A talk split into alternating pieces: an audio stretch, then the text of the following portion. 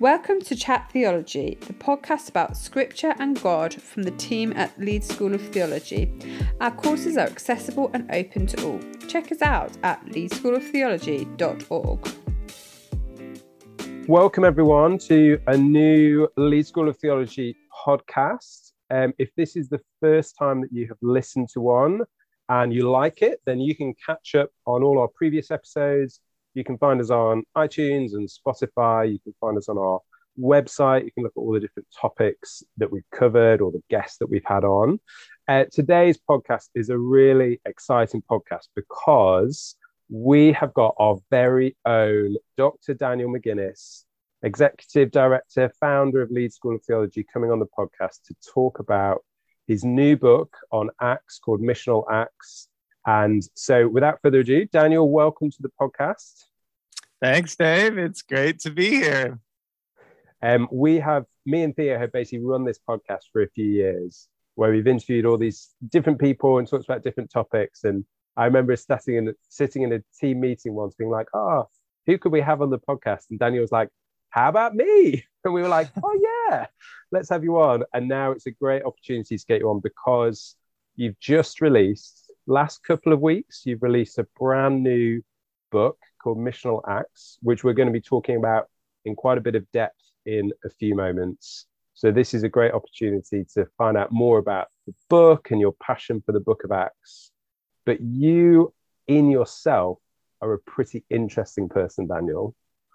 Um, I'll take that you, in the in the best of ways, Dave. Oh, absolutely. Having known you for quite a few years, you're somebody with such uh, an interesting background. You have come on such a big journey in terms of um, what you what you've done in your ministry and through theological study to get to this point of writing the book. So before we dive into looking at the book itself, I kind of want to dive into Daniel McGuinness for a little bit, your story, your background. So could you just introduce yourself a bit? If people have never come across you before, what's your story? Like, how have you ended up here? The podcast is only like half an hour long, so you can't give me a whole life testimony. But what are some of the key things that you're like, this is some cool stuff to know about me? Sure. Yeah. Well, I was born in Houston, in Texas, and um, grew up there and um, ended up uh, when I was at Baylor University, um, getting involved with a church called Antioch, who um, which plants churches all over the world. And um, I met my wife there. We went on staff there, working with students. And part of that was taking mission teams all over the world to different nations. And so that gave me this deep love of mission, this deep love of the nations. And um, and we ended up bringing a lot of teams to England and to Scotland and um, Ireland, different places, uh, partly because it just worked so well uh, to bring American students here. And um, just fell in love with the place, and God began to really speak to us. And so, after doing student ministry in the States for a number of years, we moved here in June of 2005 to Sheffield, England, and um, and and planted a church. Um, so led a, a, small team that came with us, and um, and, and and another big part of that move was to study under someone named Loveday Alexander at Sheffield University, who who is one of the top scholars on the Book of Acts in the world, and I had read a lot of her stuff, and and I'll talk in a bit about why I love Acts so much, but um so I also did my PhD uh, in the Biblical Studies department, working mainly with Loveday, which was just an amazing privilege. She's the most amazing woman. She's got this photographic memory. She has the whole New Testament memorized in Greek.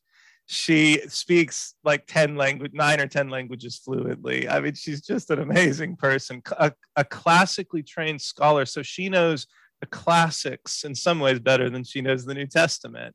And that's a dying breed amongst biblical scholars. And so she's just able to draw on so much. And so it was, I mean, honestly, the whole thing was worth it to get an hour with her every month. And, um, and, but yeah, so we had two main reasons. One was to plant that church, and then one was to, um, for me to continue to pursue my doctoral studies. And um, that is essentially what's led in the long in a very long run to this book. So you're a church planting, globe trotting missionary, PhD theologian. That's pretty cool. Like when people ask, you know, if you do the game Two Truths, One Lie, you could throw in some really cool stuff and people wouldn't know which one, which one you've made up. Um, yeah, so you, and I, I, and I, uh, just to say, I love, you know, this Dave. I love living at the intersection of those. I'm, I love kind of cutting edge missional practice, and I love cutting edge academic theology and biblical studies. And I think there's a a lot of tensions there, but there's also a lot of incredible overlap there. And um, um, so, yeah, that unique combination is really important for me. And even though my life now is much more focused on the academic realm, that background in mission and in church planting informs all of it massively. And in the midst of all of that, you um, launched and founded Leeds School of Theology in 2014. Can you say a little bit about that journey and kind of what what um, yeah what brought you to that point of, of beginning what we now know as Leeds School of Theology? Yeah, um, so so the vision with the church was always to raise up leaders and hand that over, and we did that in 2013. And then there was a big question about what to do next, and I had been for a few years really wanting to pursue um, training leaders and teaching theology. And also had been dreaming with one of my best friends, Matt Hatch, who you know quite well, about starting uh, a, a, theological school of some kind. And so we just decided that that was the perfect opportunity to do that. And so, yep, January 2014, we launched the first class, which you were a student in, Dave. And um, and and you know at the time i think we envisioned that it would be a a you know just a kind of small um, uh, a school that might run for a few years. But what was amazing about it is that we realized pretty quickly that there were lots of people interested in that kind of theological training which sits between the kind of sunday school local church bible teaching stuff and the high level university stuff. It's a whole lot cheaper. It's a whole lot more accessible. We did it on you know, weekends and then in evenings so full-time working people could do it and we just got these huge numbers of people wanting to train with us. And so uh, i think we were we were scratching where people were itching and it just became really exciting to see how could we keep developing this school. And you have obviously been a key part of that dave along with theo and others in seeing it grow and develop over the last well it's been yeah, eight and a bit, eight, eight and a bit years, hasn't it? We're into yeah. our ninth year now. Yeah, that's right. Eight years going into the ninth. And I still remember the um, uh, the staff meeting I was in where Matt, who you mentioned, came in and said, Hey guys, we've got some stuff on the agenda, but can I just throw in another cool idea? Why don't we start a school of theology? And I have a friend called Daniel who could help us run it. And I was like, okay, sounds sounds great. And to think from kind of those conversations with Matt, that staff meeting to where the school is now is, um, yeah, it's an amazing testimony to uh, the way that God's used the school to serve and bless so many people, and you've you've been such a critical part of that. Um, so, I mean, that's we could talk easily for an hour about loads of stories from your background, but we're mainly here to talk about your book and the book of Acts, but I think your background is so helpful to understand why why the book of Acts kind of stands out to you that that um, meeting point between theology and missional practice and how that all came about in the early church. But Daniel, there's there's 26 other books in the New Testament, 39 books in the Old Testament. Why the book of Acts? Like, why was that the book that captivated you that thought that made you think i'm going to spend a good portion of my life poring over this one book getting to know it do a phd on it write a book on it. What is it about acts that just gets you so excited? Well i mean other than the fact that it is the best book in the Bible, which I think there's universal consensus about, right? A universal consensus of one. Yeah. no, there's more than one.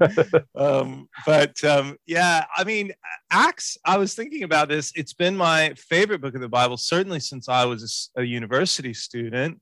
When I was a student, I remember uh, a leader of mine uh, led a kind of Bible study time where he said, read the whole book in one in one setting, and I want you to notice missional themes. I want you to notice how the church in Acts goes about mission and what are the repeated themes. And something about that just really lit a fire under me. And um, if you think about it, and I think one of our big problems is we're overly familiar with the story, but it is an incredible story just in itself. It's just exciting, lots of adventure. I mean, you've got shipwrecks and snake bites and drama and tension and signs and wonders and power encounters, and lots of high stakes legal scenes. I mean, it has kind of all the makings of a Hollywood blockbuster and also i love how it's written the narrative draws you in. Luke has this amazing way of drawing his reader in and making you want to play a part in the story. And when you get to the end and it doesn't really end and this is one of the arguments in my book it just sort of stops you think okay it's my turn now. Over to me now. And i i find that so inspiring um, and and that's why I, I, I talk about rhetorical narrative. That's the subtitle, rhetorical narrative in the Acts of the Apostles, because I'm really interested in how persuasively Luke writes these stories and composes and puts them all together to create this narrative world that just sucks you in and captivates you. And and, and of course, when I then got to being a church planter there was a much deeper level of engagement with it because I was looking for inspiration and models for how to build and plant churches. And that it became, uh, you know, I often said it, uh, the church plant was like my laboratory. I just tried to live the things I was reading and studying in Acts. Let's let me pause you there because you, you uh, mentioned a phrase there uh, rhetorical narrative. so let's do a slightly deeper dive on that phrase because for some people they'll know what it means. For other people, they'll be like, "What do you mean rhetorical narrative, Daniel?" And that's a key um, key frame through which you read the Book of Acts. What what uh, a what do you mean by rhetorical narrative, and b why is that important for how you read the Book of Acts? Yep, good question. Well, I'm not positive if that's like a established scholarly phrase or not. I might have created. I was sure I didn't create it, but it's not something I've read a lot of other scholars talking about. I mean, the first thing to say is that most biblical scholars of Acts don't pay that much attention to the missional aspects of it.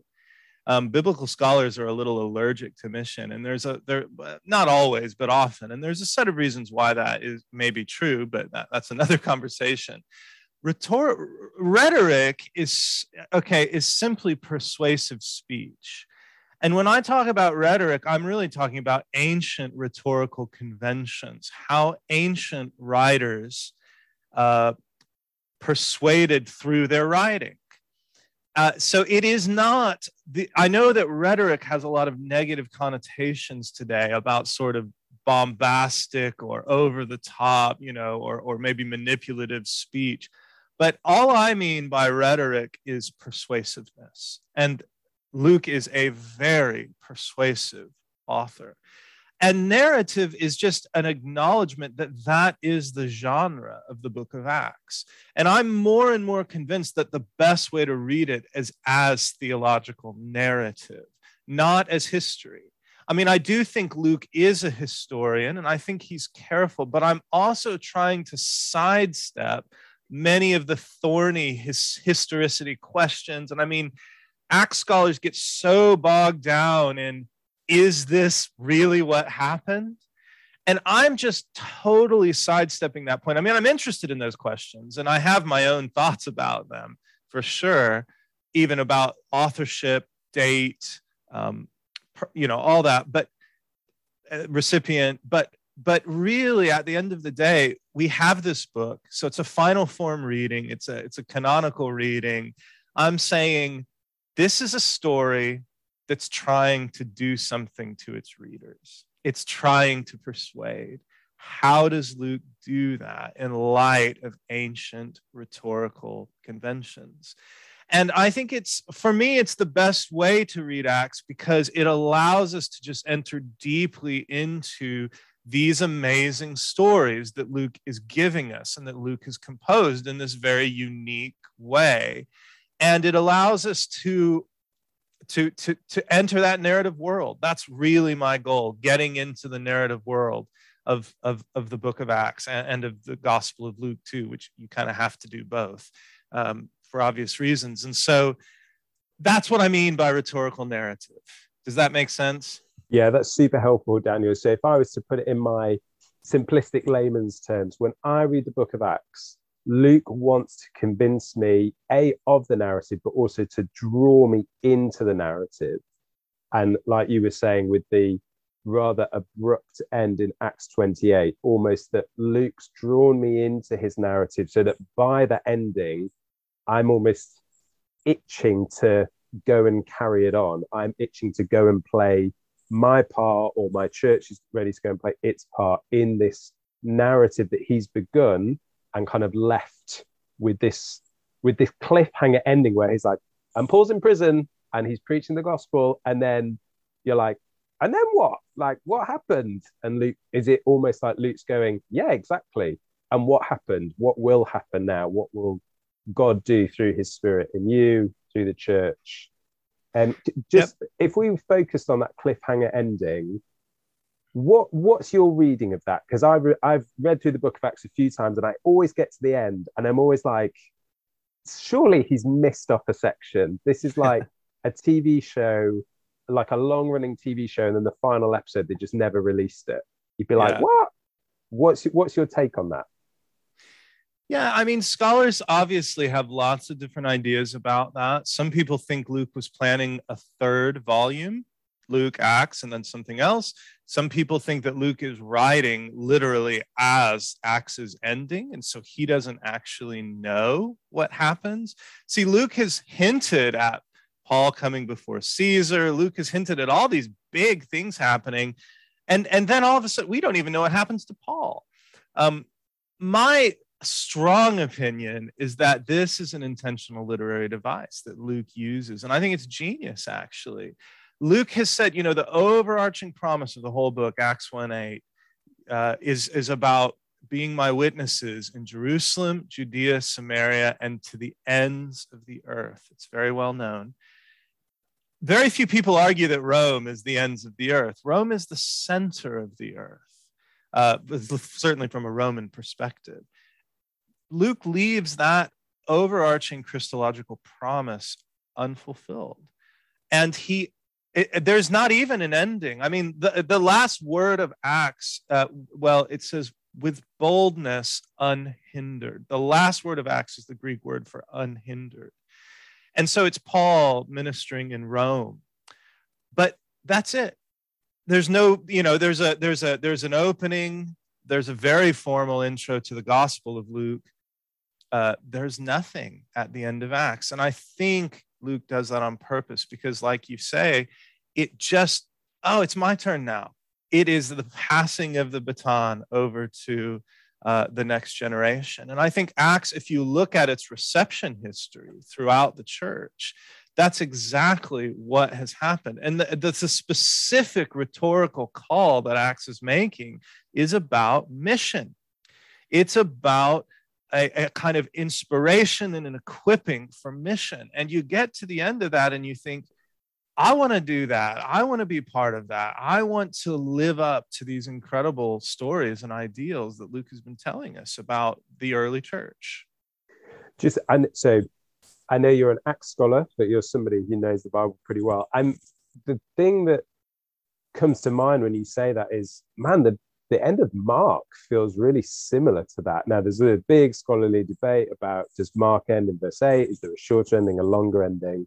Let's say, for the sake of argument, Mark intended to finish 16, verse 8, the women leaving the tomb and they're afraid, it almost feels like that's quite a similar strategy potentially to Luke, where you're kind of left going, and what happens next?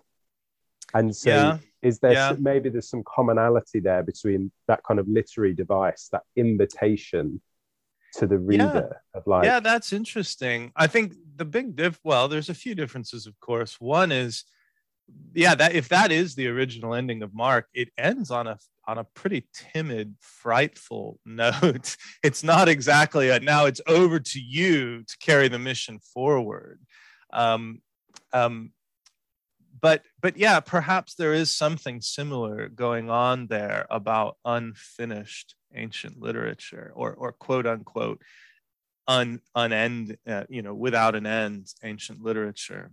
Uh, that's an interesting comment. I, I I I have to admit I I know a lot less about that, but yeah. um, I yeah. I know you're not really bothered about talking about Mark. You want to talk about Acts. Okay, so we've already touched on this a little bit about um, some of the uniqueness of the approach in the book, this kind of rhetorical narrative approach. What for you? This this book's eleven years in the making. Is that right? Well, I mean, if you count the PhD, it's seventeen years. Okay, seventeen years in the making. I can you give me, and I'm putting you on the spot here. If somebody was to say, what are the top two strengths of this book? And you're like, it's 400 pages long. There are so many strengths. But if somebody said, "What are the top two strengths?" What would what is like? What do you feel like lives in you from from this book? Where you're like, man, I'm so, this bit and this bit. I like. I love them. They're so important, so helpful. Yeah, well, um, I, I, I could I could talk about general strengths and then maybe a couple of specific yeah, areas. Um, generally speaking, one thing that's important to know about the book is it deals with the whole of the book of Acts in depth and detail, um, including Paul's imprisonment and all of the suffering narratives at the end of Acts. And, and so it's very comprehensive. And of course, it dialogues with all the best Acts scholarship that's out there. And it's written from my, you know, fairly unique vantage point as a scholar and a missional practitioner. And so it's very aware of and sensitive to missionary, missional and church concerns and dynamics today and going forward.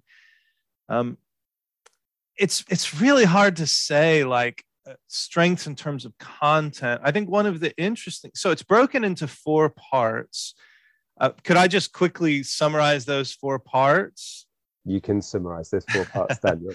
so there's a there's a nice introduction which sets it up, and then part one is missional structures. It's uh, sorry, missional stimuli. It's all about the motivations for mission, the power source for mission, and um, so that goes through the word. I mean, I make an argument that the hero of Acts is not the spirit, but the word, and that's an important um, um, debate. Uh, uh, you know, it seems that the spirit is the hero, and I, of course, the spirit is a hugely prominent narrative character in these stories. But I am saying it's the Christological word, and if you look closely at how Luke deals with the logos in his stories, it's really the logos that leads the way. The spirit is the power source, the empowerment, but the logos is the uh, is the the uh, the leader of the mission. So that's uh, really fascinating, Daniel. Um, can you give an ex- like? Can you think of a passage or a section of Acts where you're like, this is a good example where you see that that sense of the word leading the way? Well, yeah, I mean, there's loads of places, um, but the whole uh, there's a repeated pattern of Luke's summary passages, which use phrases like, and the word continued to grow and increase, or the word continued to spread further around. And um, these are, you know, the word becomes this really interesting narrative character. Um, um, it's the word. It, what ends up happening is that the apostles, these early disciples, are are following the word. They're trying to keep up with the word's kind of radical advance throughout, um, you know, throughout the Roman world. And it is, um, it becomes uh, uh, uh, the, the, the chief missionary. And, and, and, and it's this, uh, I, I, I say the word sort of combines this Christological idea, which is different than John's word made flesh. It's a very different kind of theology, but uh, draws on some similar background. There's a whole section in there about the Old Testament background to this, which is really important. But it's also an ecclesiological idea because the word seems to be synonymous with the church. When the when Luke says the word grew, what he means is the church grew. Um, and then also, it's a missional idea because, of course, a word is something you proclaim. A word is about proclamation. And so, in one sense, the word brings together Luke's core missiology really nicely. And once you see it in the text, it's really hard to not see it. I think it is the driving force for mission in the book of Acts. And um, and that that for me is a really important foundation. Um, and, and, then of course supported by the power of the spirit. And then there's also this universal invitation of the father. So there's this trinitarian emphasis that is really nice about the father's invitation into his loving family which is for everyone. So those are actually the first three chapters of part one is the Christological word, the power of the Spirit, and the universal invitation of the Father.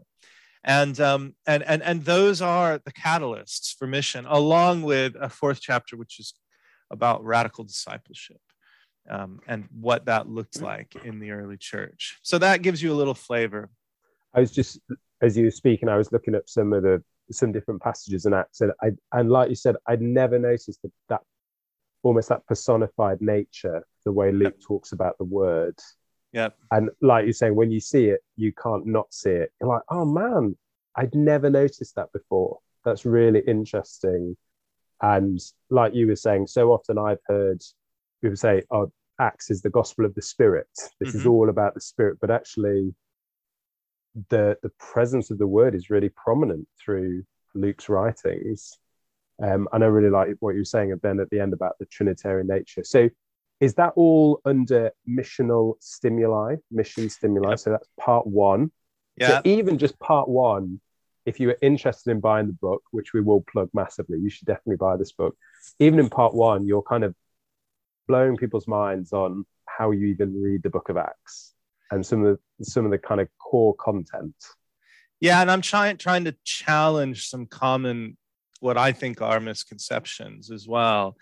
And um, e- even things like the role of the father, which is a hmm. really mm. understudied issue. There, I can only think of one main book really about that. Um, so yeah, uh, but just to quickly fill in the rest of the book, part two is missional structures, and that has three chapters. The first is about the the, the church assembly, the ecclesia, and then the second is about the oikos, the household culture of the first century.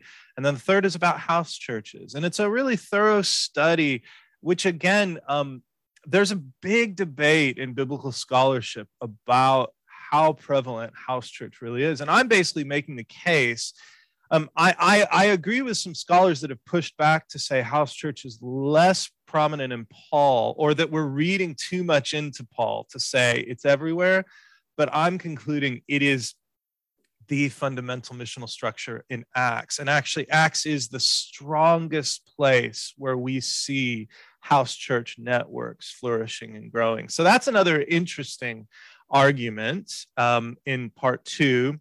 Um, and you know obviously all of this will have some implications for today which i mainly leave for the conclusion. I i'm really trying to stick with the first century world mm. throughout until i get to the final conclusion where i i make some contemporary application thoughts. Let me just interject there. So you're making a, a kind of big case that households house networks are kind of key. What um but you were saying that's maybe a bit debated. What um what are other scholars or what have other scholars said about this is the the primary structure of the primary institution? If, it, if it's not the household where have other scholars kind of said oh it's this or that yeah. um, and why why are you not going along with them yeah so uh, the big so there was a sort of consensus for many years and and it, it became a kind of i think a lazy reading of the text to just default to house church and a guy named Eddie Adams wrote a really influential book basically challenging that consensus.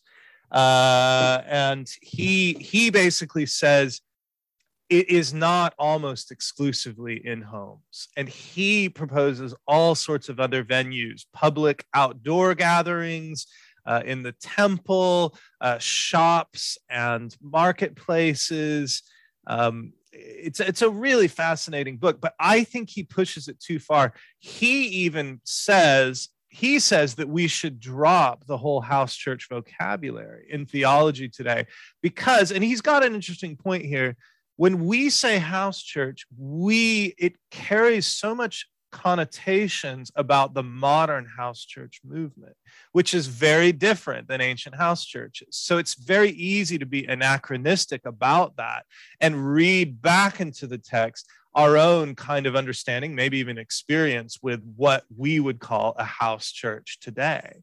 And he's making a, a, an important point, but I think he I think he overdoes it. So I'm really pushing back in some ways at him Eh, basically, I'm saying Acts is the strongest evidence in all of the New Testament for early house based church communities. And I think, I think the evidence is, um, is beyond, uh, beyond debate, really. And so I, I, I just work through all of Luke's different occurrences, and I, I, I rank them in an order of one to four of certainty because it is interesting. Luke doesn't always explicitly talk about houses and homes, and so we have to be careful that we aren't just reading eisegesis too much into the text. But at the same time, he establishes from the very beginning, even from Acts 1, houses are the fundamental missional structure. And I think that carries all the way through Paul's Paul's mission mission efforts. Uh, so yeah, it's it's a for me it's an important uh, debate because it pushes against the megachurch model, this idea of just massive. You know how can how can you really do church? It, it must come down to small communities that really know one another in deep relationship and that doesn't need to be in a house. In fact, in Japan, Japan is much less of a house based hospitality culture. And so they would tend to meet like in cafes, perhaps, or in more public venues. That's absolutely fine. But the point is, it needs to it needs to come back to these small fellowships. So, so your point isn't simply a historical point about this is where it happens, but it's also a contemporary point about there's something about where it happened, which is uh, which underpins core values of what ecclesiology looks like. There is something about being small setting relational communities which embodies and demonstrates what it means to be church. It's not simply a case of going, it happened in smaller houses or smaller household units, so it should do today. It's like because it, it, it happened there because that embodied some of the key principles of what church, what it means to be church. That's certainly what I think. But again, I wouldn't want to tie that to the household. The first century world is a really unique oikos based culture. That was the fundamental social structure for all of life, these family and wider household networks. And we live in a very different culture today. Uh, but I do think the principle is around small group deep relationship based fellowship. And um, i think i think the church needs to wrestle with that. I think a lot of the growth culture around church doesn't pay nearly enough attention to that. Um, so yeah again i don't really go there in part two but in the conclusion i do try to make some very clear challenges about that. Um, and I, i'm just really interested in the evidence. You know i i um, I think Luke is quite clear about this. What we do with that today, of course, is is is, is going to vary from place to place and person to person. But I think we can say with some certainty this is what Acts is advocating. So that's what I mean when I talk about missional structure in Acts. So we've done missional stimuli, missional structures. What are parts three and four of your yeah, book? part so parts three and four are very related. Part three is called missional strategy. And basically, what I do there is an in-depth study of Paul's missionary journeys because I think, again, Luke is uh, compiling these in very intentional, strategic ways. And if you think about it, this is when mission work became very intentional and strategic. Up to this point, mission and Acts was almost accidental. It was maybe as they were fleeing from persecution, it was as they were living in, you know, fellowship in Jerusalem. Um, but all of a sudden at Antioch, the Holy Spirit says, set apart for me, Barnabas and Saul. They lay hands on them and off they go to plant churches and to actually do intentional mission work.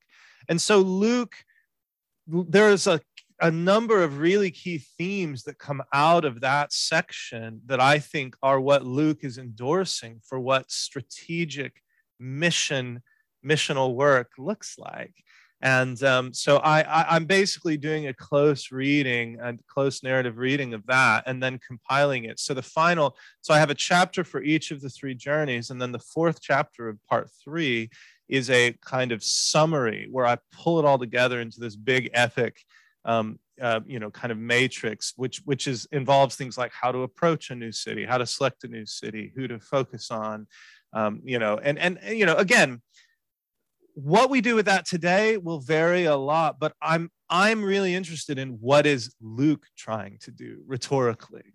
And there's a lot of just fascinating things that come out. I mean just one i'll mention really quick is this focus on people of influence. And that's quite controversial but i think it's just really obvious Luke is saying if you want to make the maximum impact, you've got to find a, a, a person of influence, a gatekeeper to a, a, larger oikos network or social network.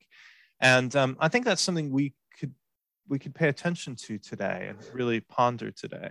And you, you can almost, I can almost feel why that's controversial because it almost sounds like, well, Jesus went to the, no people of influence. He's, you yep. know, the prostitutes, the sinners. Um, but but it sounds a bit like Luke saying, "Hey, these are gatekeepers that gives you access and access to the to the city, access to the people who are that um, who are those groups of people in in great need and great distress."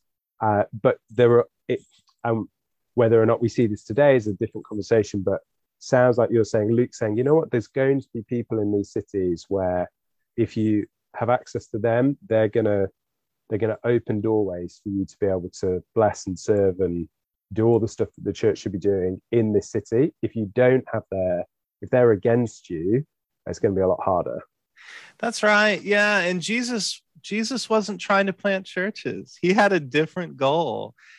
But it is important to say people of influence do not need to be wealthy or high status. In fact, if you look at a homeless population, there are still gatekeepers within that. Or if you look at any other marginalized uh, uh, population, there are still going to be key people that will open those networks to you. And so it isn't necessarily about status in the wider culture, it's about status within the people group. Uh, but helpful. yes, in general, and, and, and it is controversial. I, when I teach this, I get a lot of pushback on this point. All I'm really saying is for me, it is just so obvious in Acts, and that's one of uh, there's there's there's a whole lot of really key strategic principles in that part of Acts. But it's a really interesting one for us to think about today, and honestly, it's one that I don't think the church does the greatest job of at times. And I think we again, it's it would be worth reflecting on that. Um, yeah. So, so that's one example, but there's so much I could say from that section. But then the fourth part is kind of an extension of missional strategies, but it's called missional suffering.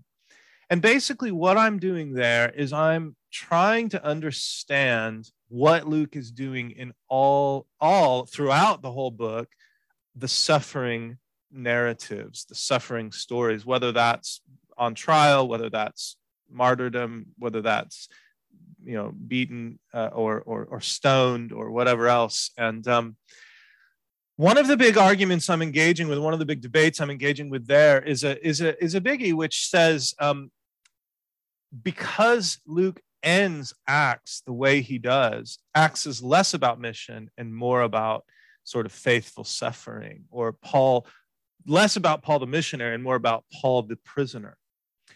And I just think that's a total false dichotomy. I think for Luke, Paul's suffering is his mission. He is the missionary prisoner. He is the suffering witness. And so I, I I'm I'm really arguing strongly that that is part of his mission. And, and and not only that but you can see it. And so I, I literally walk through all of those big stories in the first chapter of uh, of part four. And then in the second chapter i walk through acts 21 through 28 in very high detail. And what you see quite quickly is that paul continues to be the missionary all the way through. And in fact, in some ways, he's speaking, talk about people of influence. He's speaking to rulers and, um, you know, uh, key people who the gospel would never have otherwise reached. And so I think what Luke is doing rhetorically there is training his readers for how to deal with persecution and hardship and opposition when it inevitably comes. Because if you take the rest of the teaching of Acts seriously, you are going to face opposition and persecution. And so Luke, um, Luke is equipping people in how to do that. And I have a sort of body analogy, and the stimuli are the heart, and there's four of them. So there's four compartments of the heart. The structures are the uh, hands and feet, it's the church and the household the strategies are the brain that sort of directs the whole missional endeavor and the structures are the backbone they are the spine that gives strength and resilience and uh, uh, uh, uh power to the whole enterprise, especially when there's pushback. And so I think that's really important. And, and it's a nice way to try to, uh, you know, understand the various strands of Luke's missional content in Acts. And then the final chapter is a conclusion. Uh, at the end of part four, I do a whole thing on the ending of Acts, which we've already talked about some, which is very interesting and important to me. And then the, the conclusion is really about reflections for today. And I'm soft, I do a soft touch there. I don't go hard, partly because contemporary application of this stuff is going to vary so much from place to place. And also, it's a big jump. 2,000 years is a really big jump. But I do try to propose some things about being missional church, uh, some things about, you know, I, I, I break it into each section and then give some key challenges for readers today. Let, let's pick up on that last bit then, and not not necessarily what you write in the book, but for you as the the kind of the author of the book, as it goes out into people's hands as they read it, what are your hopes for what this book will will accomplish in the life of the reader or the lives of local churches? What do you hope to see like come about off the back of this? Well, A, I'm just thrilled if somebody reads it. B, um, my hope is what I think Luke's hope is. My hope is that readers of Acts will be inspired to mission and equipped for mission. It's a twofold rhetorical aim. First, you've got to light that fire. You've got to kind of get that commitment, that motivation, that inspiration. But then, second, you need to know how to go about it and what to do. And I think Acts just has so much that's really interesting and practical to say about that. And so, my real hope I mean, I hope it will make a scholarly contribution. I think it is a, a different take on Acts than most biblical scholars take. Uh, but my real hope is that the church will be empowered to live missionally and strategically and will be empowered in places where it is experiencing suffering, persecution, opposition, that it will learn from some of these lessons that Luke is giving there. So, you know, the basic rhetorical argument of the book about what Luke is trying to do is really what I'm hoping will happen too for the readers of my book, that they'll read Acts in a new way. That's really helpful, Daniel. I mean, this makes me want to go and read the book in depth for sure. Um, if you're listening to this and you're like, man, I want to dig deep into the into the book of Acts, you can get missional Acts from all good local Christian bookstores. You can obviously get it on Amazon, depending on your ethical kind of uh, considerations about Amazon. You can get it from Eden. You can get it from all kind of uh, the places you'd normally buy your Christian books. We're going to be doing a book launch. If you listen to this before March the 26th, we're doing a book launch of Missional Acts in Leeds in person, Saturday morning, March the 26th and uh, we'll be Daniel will be sharing a little bit about the book. You can ask some questions. You can get a signed copy, which is going to be worth a lot of money in years to come when Daniel's like a famous world touring uh, author and speaker, more so than you are already. So um, yeah, look out for that. You are more than welcome to come along. Um, 10 to 12. 10 to 12, March the 26th. St. Um, George's Center. St. George's Center and hopefully if you're a if you're a past student you'll be getting an email about all of this um, daniel to finish i want to do some quick fire questions they're all mostly all acts based okay you cannot think long about these questions though okay, okay. daniel who apart from yourself who is your favorite acts scholar oh goodness my favorite commentators on Acts are Keener and Witherington. Um, and probably the most influential on me is Loveday Alexander. Okay. Who is your favorite character in the book of Acts? That's a hard one. Once you get past the character of Paul, who is obviously really central, I think I might say the Ethiopian eunuch. I'm really Ooh, intrigued by that character. I, yeah. I think that he is uh, a liminal character inhabiting so many different spaces. And once you realize how eunuchs were prevented from the temple, and I think the eunuch has a lot to say to some of the big contemporary debates yeah. and issues in culture today. And I, I just think the story is is a really amazing story too. So I, I might a, say him. There's a real catalyst moment there in Acts as well. Acts 8, Philip yeah. and the persecution and leaving and, and that kind of start of the journey of the gospel outside of Jerusalem.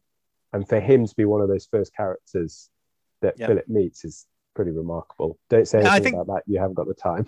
Ah.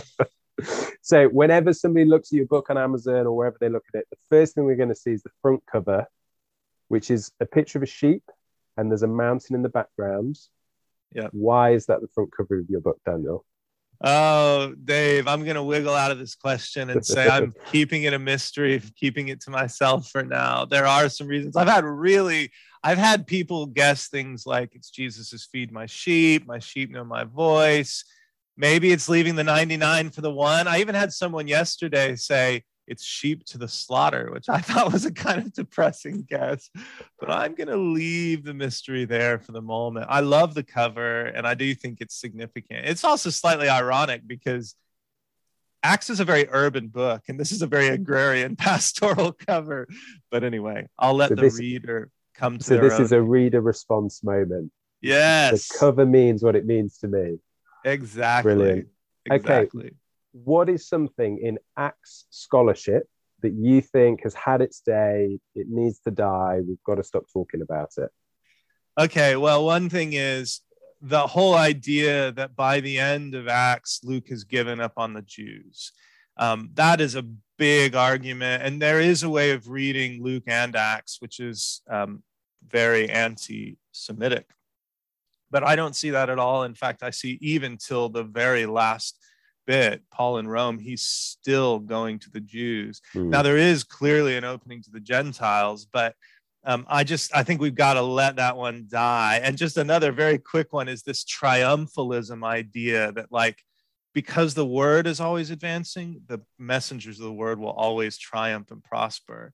And that again has been a big theological debate. But if you really read Acts, it's the opposite. The hmm. messengers mm. suffered. So yeah. there is a theology of the cross in Acts. It's not quite Paul's theology of the cross, but it is there. triumphalism has no place uh, in that book if you really uh, read it carefully, I think. So sorry, I just squeezed two in. yeah, that's okay. I'll let you off. Last question then. Fine, the book of Acts for you is the best book of the New Testament. That's okay. What is your next favorite book of the Bible? I mean, that's a tricky one. And you too. can't say Luke. Oh, they- why like, not? Luke, Luke, Acts, they go together. You've got to say something different. well, you stole my first answer, which was Luke. Um, I think if I had to pick another book, I would pick Philippians.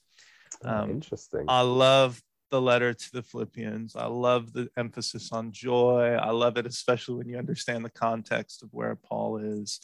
Um, um, yeah, but I would say Luke, but as you say, that's mainly because Luke Acts really go together. But yeah, I love Philippians.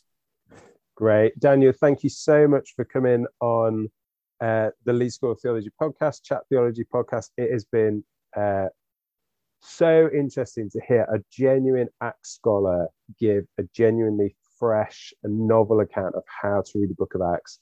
I really hope if you're listening, that's whetted your appetite to go deeper. Do grab a copy of the book. If you want a discounted copy, make sure you come to the book launch on March 26th. 10 to 12, St. George's Centre in Leeds City Centre. We'll be back with another podcast in a few weeks or so, so look out for that. But for now, God bless and thank you so much for listening. Bye, everyone.